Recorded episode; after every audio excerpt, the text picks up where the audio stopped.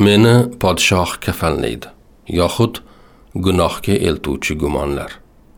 Usmoniylar imperiyasining zabardast sultonlaridan biri sulton murodxon uchinchi bir kuni vaziri azam siyovush poshoni erta sahardan qabuliga chorladi. Men shu kechasi g'alati tush ko'rdim dedi u vazir shoshilinch yetib kelgach. Hoziroq saroydan yashirincha chiqib bir joyga borishimiz kerak. Faqat buni hech kim sezmasin. Ikkovi darvesh kiyimida saroydan chiqdilar. Hali ham ko'rgan tushining ta'sirida bo'lgan sulton g'alati kayfiyatda edi. Nimadandir qattiq hayajonlanardi. Qayoqqa ketyapmiz o'zi hukmdorim? So'radi vaziri azam sal xavotirlanib. Qo'riqchi olishga ham ko'nmadingiz. Ko'rgan tushingiz xayrlidir inshaalloh. Xayrlisi sevush posho xayrlisi. Hozir bir joyga boramizda tushimdagi sinoatning tagiga yetamiz. Sulton va vazir ildam odimlab saroy atrofidagi bir necha bo'lgani bosib o'tdilar. Istanbulning unkapani degan joyga yetganda sulton to'xtab atrofni diqqat bilan ko'zdan kechira boshladi. Mahalladoshlar g'azabi. Sulton murodxon ko'chaning bir chetida tuproqqa qorishib yotgan keksa yoshli erkak murdasini ko'rib vaziriga sirli qarab qo'ydi. Keyin jasadning yonidan jirkanib o'tib ketayotgan odamlarga xitob qildi.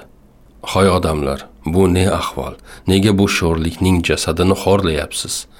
Kim edi o'zi bu inson? E siz yaxshisi yo'lingizda ketavering qo'l siltadi shu yerlik kishilardan biri. Bu ishlarga aralashmang. O'ligi daydi itning o'ligiday xor bo'libdimi? Demak u shunga loyiq. Bu odam tirikligida aroqxo'r zinokor bir battol edi. Uning jazosi shu dedi boshqa biri. Bu odamlarning gaplarini eshitgan sultonning rangi oqarib lablari titray boshladi. Siz buni qayoqdan bilasiz? dedi jahldan qaltirab. Sultonning ahvolini ko'rgan vazirning hayronligi o'n chondon oshdi. Qayoqdan bilarmishmiz? Masxaromiz kuldi haligi odamlarning keksarog'i. Keyin kesatdi. Ruxsat eting o'zimni tanishtiray darvesh afandi. Men shu marhumning qirq yillik qo'shnisi bo'laman. Shu asnoda suhbatga boshqa bir kishi qo'shildi. Bu odam aslida qo'li gul hunarmand edi dedi murdaga ishora qilarkan. Ishi puxta mijozlari ko'p edi lekin topgan tutganini ichkilikka fahshga sarflardi. Ishdan qaytayotganida qo'ynida may to'la xumchalar bo'lardi. Bu ham yetmagandek yengiltak ayollarning bir emas bir nechtasini uyiga boshlab kelardi. Xotini sho'rlik ham miq etolmasdi yoshi bir joyga yetgan bo'lsa ham xudoni tanimas edi. Biz buning namoz o'qiganini hech ko'rmaganmiz dedi boshqa bir odam. Masjidimizga qadam bosmasdi. Tavba qilolmay o'ldi la'nati. Biz bu osiyning o'ligini ko'mmaymiz g'azab bilan ta'kidladi qirq yillik qo'shni. Mayli och itlarga yem bo'lsin battar bo'lsin qutulganimizga shukur mahalladoshlar biri olib biri qo'yib nafrat izhor qilgancha tarqala boshladilar. Sulton murodxonning bir nuqtaga tikilgancha o'ylanib qolganini ko'rgan vazir buni o'zicha tushundi. Yuring sultonim bu yerdan ketaylik. Bu jasaddan uzoqroq turganingiz ma'qul. Xalqning nazaridan qolgan osiy bir banda bo'lgan ekan deyishi hamono sulton g'azab bilan pichirladi. Hech qayoqqa ketmaymiz podsho biz bu odamni shundoq tashlab ketmaymiz. G'assollik qilgan hukmdor. Sulton murodxon siyovush poshoning o'ziga hayron tikilib qolganiga e'tibor ham bermay gapida davom etdi. Men bu mayitni yuvib kafanlayman. Tezroq shuning chorasini ko'raylik. Saroydan mullalarni chaqirsak vaziri azamning gapi og'zida qoldi. Men senga buni men qilaman dedim posho tushimdagi hikmatning tagiga yetishim kerak dedi sulton qat'iy. Buyuring hukmdorim. Sen avval bir munosib joy top. Shu mahallaning masjidiga olib borsakmikin? Bo'lmaydi. Mahalladoshlarning munosabatini ko'rding. Undan tashqari men bu odamni ulug' zotlar qatorida izzat bilan dafn qilmoqchiman. Vazir azam hech narsaga tushunmayotgan bo'lsa-da bosh egib qo'lini ko'ksiga qo'ydi. Hukmdorim amringiz bosh ustiga. Mayitni yo ayasofiyaga yoki sulaymoniya jomisiga olib borsak nima deysiz? Fotih jomisi ham bor. Ayasofiyaga va sulaymoniyaga davlat arboblari ko'p borishadi. Bizni shu ahvolda ko'rishsa bo'lmas. Fotih jomisi haqida eslatib yaxshi qilding. Qani ko'tardik bo'lmasa. Ikkovi jasadni ko'tarib fotih jomisiga olib bordilar. Vaziri azam yelib yugurib kafanlik keltirdi. Tobut topdi. Bu orada sultonning o'zi g'assollik qilib mayitni qoida bo'yicha yuvib taradi.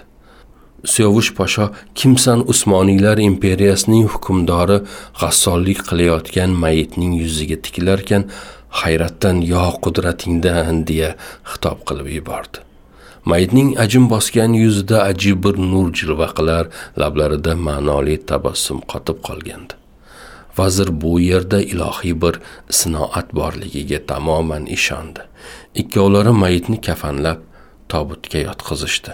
Hali namoz paytigacha ancha vaqt bor edi. Siyovush posho qandaydir o'ylar iskanjasida mahsun cho'kalab o'tirgan sultonga jur'atsizgina yaqinlashib dedi. Hukmdorim bir qoshiq qonimdan keching. Biz bir xato qilib qo'yganga o'xshaymiz. Qanday xato? Qoshlari chimirildi sultonning. Hayajon ichida mayitni bu yerga keltirdik yuvdik kafanladik. Ammo uning yaqinlari haqida o'ylamabmiz ayoli borligini boya eshitdik balki yetimlari ham bordir. Ular bu voqealardan xabardormi yo'qmi bilmaymiz ham. Menimcha xabarlari bo'lmasa kerak. Har holda otalarini jasadining bunday xo'rlanib yotishiga izn bermagan bo'lardilar. To'g'ri aytasan dedi sulton jonlanib. Sen mayitni yolg'iz qoldirma. Men uning uyi qayerdaligini surishtirib yaqinlarini topaman. Odamlar bo'lmasa sulton bor. Sulton murodxon boyagina mayit xorlanib yotgan ko'chaga borib so'rab surishtirgach u g'aribning uyini topib bordi. Devorlari nurab yotgan pastak uy darvozasini keksaroq bir ayol ochdi.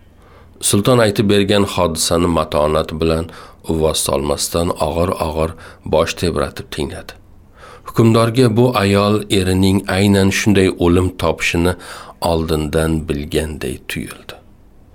Sulton so'zlab bo'lgach keksa ayol ko'zlaridan oqayotgan shoshqator yoshlarni yengi bilan arta turib behol cho'kkalarkan o'zing buyuksan yo rabbim deya pichirladi. Ro'parasida odob saqlab hamdardlik bilan qo'l qovushtirib turgan hukmdoriga yoshli ko'zlari bilan sinchiklab tikilarkan qilgan mehnatlaringizdan rozi bo'ling dedi. Ko'rib turibman ancha zahmat chekibsiz toliqibsiz. Sizni olloh yarlaqasin hamma hukmdorlar ham mayit orqalab g'assollik qilavermaydi. Sulton hayratga tushdi. Mening hukmdor ekanimni qayerdan bildingiz? dedi shoshqin. Hozirgi ahvolimda hatto o'z volidam ham tanimasalar kerak. Ayol sultonning gapini eshitmagandek chuqur o'yga botgancha jim qoldi. Keyin dardli ovoz bilan podshoh mohiyatiga yeta olmayotgan sirlardan voqif etuvchi hikoyasini boshladi. Bilasizmi hukmdori mening xo'jayinim topilmas odam edi. Ertadan kechgacha mehnat qilib topgan puliga bozordagi may sotuvchilarning hamma ichkiliklarni sotib olib uyga keltirardi. Muhammad ummati buni ichib haromga botmasin madomiki mayfurushlarni tiyib qo'yishning iloji yo'q ekan shu yo'l bilan bo'lsa ham kurashamiz derdi. Keyin biz u ichkiliklarni hojatxonaga to'kardik. Subhanalloh sultonning yuragidan bir nido otildi. Ko'pincha bozor yonida to'planib mijoz kutadigan yengiltak ayollarning bir kechalik haqini to'lardi da hammasini uyiga boshlab kelardi. Aytgan haqingizni to'ladim demak endi ma'lum fursat bizning ixtiyorimizda sizlar derdi ularga. Keyin menga ishora qilardi. Xonimimning gaplariga quloq tutinglar qo'lingizdan kelganicha uning aytganini qilinglar. Men u ayollarga dinu diyonatdan hayot haqiqatlariyu o'tkinchi dunyoning qattiq imtihonlaridan bahs etardim. Juda ko'plari bir kechadayoq tavba qilishardi to'g'ri yo'lda yurishga ont ichishardi. Ba'zilari esa bir necha marta keltirilib obdon nasihat qilingandan keyingina gunohini anglab yetardi. Shu yo'l bilan qancha qancha zinokor ayollar to'g'ri yo'lga qaytishgan. Yo olloh o'zing aqlimdan ayirma. Nido qildi sulton murodxon. Axir odamlar marhum eringiz haqida butunlay boshqacha fikrdalar-ku. Odamlarning nima deyishi qanday fikrda ekanlari erimni hech qiziqtirmagan. U o'z ishini bilib qilaverardi. Birovga hisob bermasdi. Hatto namoz ham o'qimasdi deyishdi. Deyishgan bo'lsa bordir. Chunki xo'jayinim namoz o'qigani uzoqdagi masjidlarga borardi.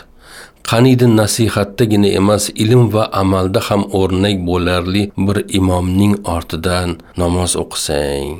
Ana o'shanda qiblaga boqqaningda quruq mehrobni emas kabani ko'rasan derdi. Bunday imomlar qolibdimi hozir?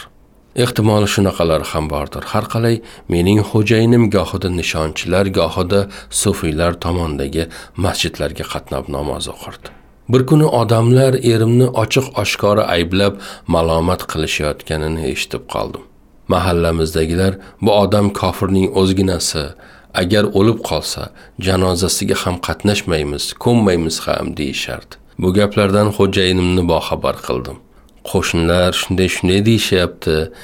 Ikkimiz ham qarib qoldik. Mening jonim uzilsaku siz bir amallab ko'mib olarsiz. Lekin xudo ko'rsatmasin siz vafot etib qolgudek bo'lsangiz menga jabr bo'ladi-ku. O'limlikka deb hech narsa jamg'arib qo'ymaganmiz ham dedim. U kishi nima dedi? U kishi sen g'am chekma xotin. Agar jonim uzilsa meni shu hovlimga ko'minglar dedi. Keyin hovlimiz o'rtasiga o'zi uchun qabr qazdi. Men battar qayg'uga botdim. Bitta qabr qazish bilan ish bitarmidi dedim. Mayitni yuvish bor kafanlash bor ko'mish bor bularni kim qiladi? Qo'ni qo'shni qarindosh urug'lar sizning ishlaringizni noto'g'ri tushunib bizdan yuz o'girishgan bo'lsa menga qiyin bo'ladigan bo'ldi-da dedim. O'shanda xo'jayinim qahqah urib kuldi. G'am chekma xotin seni qiyinchilikka solmayman dedi. Mening hech kimsaga og'irligim tushmaydi. Olloh buyukdir. Olloh qodirdir. Agar odamlar bo'lmasa sulton bor. Hukmdorning o'zi kelib jasadimni yuvib kafanlaydi. Mana ko'rasan dedi. Rost aytgan ekan mana ko'rib turibman. O'shanda 1592 yil edi. O'shanda 45 yoshli sulton murodxon uchinchi ko'zlaridan shashqator yosh oqizganicha yaratganning bu kamtarin quli janozasini o'zi o'qidi. O'zi bosh bo'lib arkoni davlatning manaman degan vazirlari amaldorlari qozilari ishtirokida juda katta janoza marosimini tashkillashtirdi. Marhumning rafiqasiga davlat g'aznasidan bir umrlik nafaqa belgiladi. Marosimlardan so'ng vazir azam sevush posho sulton murodxondan ko'rgan tushining tafsilotlarini so'radi. O'sha kecha saharga yaqin bir tush ko'rdim dedi hukmdor. Tushimda yeri ko'kni larzaga keltirib chaqmoq chaqdi. Butun dunyoni ostin ustun qilgudek vahshat bilan momaqaldiroq guldiradi. Keyin shiddat bilan yomg'ir yog'a boshladi. U yomg'ir tomchilari xuddi olmos parchalaridek jilvakor nihoyatda chiroyli edi. Ko'z olgudek yaltirardi. Bu ajoyib yomg'irga mahliyo bo'lib turganimda qayerdandir butun vujudimni larzaga solgudek ovoz yangradi.